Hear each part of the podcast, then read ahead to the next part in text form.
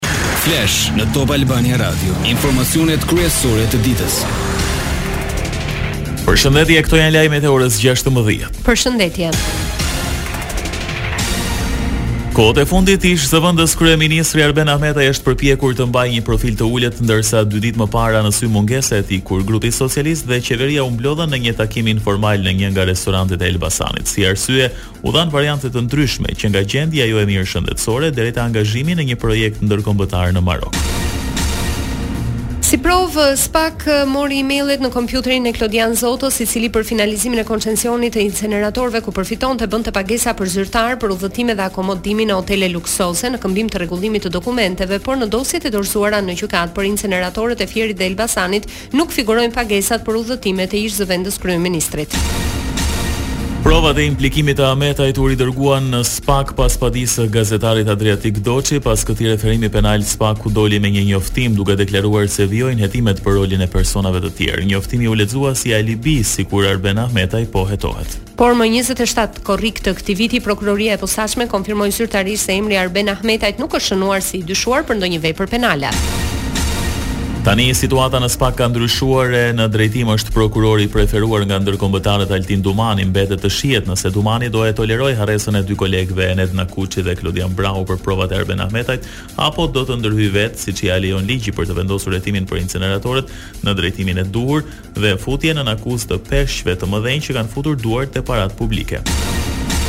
Mbi dy vjet e gjysmë nga shembja, zyrtarisht sot u çelën punimet për godinën e re të Teatrit Kombëtar në të njëjtin vend në qendër të Tiranës. Në ceremoni ra në sy prania e shtuar policore për të shmangur tensionet e mundshme, pasi protestuesit që prej vitesh kundërshtojnë projektin iu afruan kantierit ku u vendos perimetër sigurie.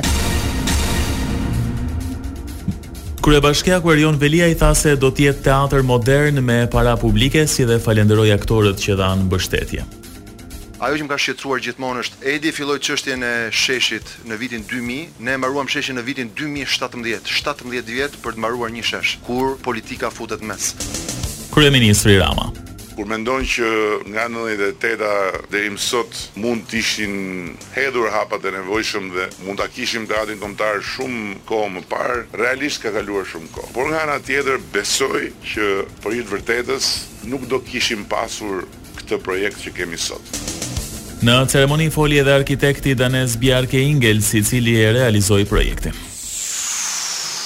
Lajmet në internet në adresën www.topalbaniradio.com. Marrëveshja e detit me Greqinë, kryediplomatja Olta Xhaçka me homologun Nikos Dendias konfirmuan kompromisin për ta çuar në Hagë. Një nga çështjet e trajtuara ishte dhe ajo e kufizimit zonave detare si një çështje në interes të dy vendeve tona. Të dyja palët kanë vullnetin për kërkimin e një kompromisi që do të bënte të mundur referimin e çështjes tek Gjykata Ndërkombëtare e Drejtësisë. Në Tiranë, Dendjas deklaroi. Në nivel politik diskutuam edhe për përshpejtimin e dialogut në bazë të marrëveshjes që patëm këtu në Shqipëri përpara dy vitesh që të vendoset marrëveshja speciale për dërgimin e çështjes në Gjykatën e Hagës, kjo sa i përket delimitimit të kufirit si dhe çështjes së shelfit kontinental.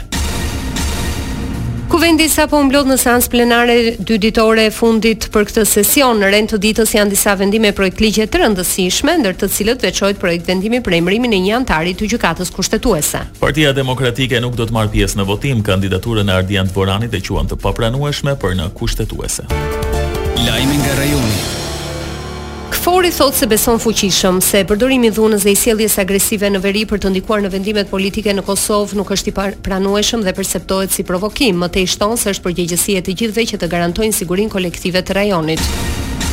Misioni i NATO-s ka shtuar praninë në Jarinjë, çka e quan të nevojshme, nisur nga raportimet e fundit për prezencën e grupeve të organizuara kriminale që u përfshinë në protesta. Tre ditë më parë në anën serbe pranë Jarinjës u zhvillua një protestë e thirrur nga ekstremistë të djathtë në shenjë mbështetjeje për barrikadat që kanë ngritur serbët në veri të Kosovës. Lajme nga bota. Presidenti i Ukrainës Zelensky sot pritet të vizitojë Uashingtonin në të parin udhëtim jashtë vendit të bërë të ditur që nga fillimi i agresionit rus më 24 shkurt, por burime të rezervuara në Shtetet e Bashkuara nuk e përjashtuan mundësinë e anulimit të vizitës në minutën e fundit për shkak të shqetësimeve të sigurisë. Sipas axhendës së publikuar nga zyrtarë amerikanë që nuk pranuan të identifikohen, Zelensky duhet të mbajë një fjalim para Kongresit e të takohet me homologun Dhe ndërkohë sonte ligjvënësit pritet të votojnë për një paketë që përfshin rreth dyzet e pesë miliardë dollarë ndihmë urgjente për Ukrainën. Gjithashtu, SHBA-të përgatiten t'i dërgojnë raketa Patriot. Një komision i Dhomës së Përfaqësuesve të Kongresit amerikan do të publikojë dosjet pjesërisht të redaktuara të taksave të Donald Trumpit. Për vite me radhë, ish-presidenti i Shteteve të Bashkuara e kundërshtoi me forcë. Publikimi mund të sjellë një tjetër vëmendje të padëshiruar ndaj tij, pikërisht në kohën kur ka shpallur kandidaturën për Shtëpinë e Bardhë. Parashikimi i motit. Edhe në vijim vendi ynë do të ndikohet nga kushte të qëndrueshme atmosferike, moti mbetet i kthjellët në pjesën më të madhe të territorit, përjashtuar vranësira të pakta në relievet malore, në lindje e në bregdet. Temperaturat variojnë nga zero deri në shtatëmbëdhjetë gradë.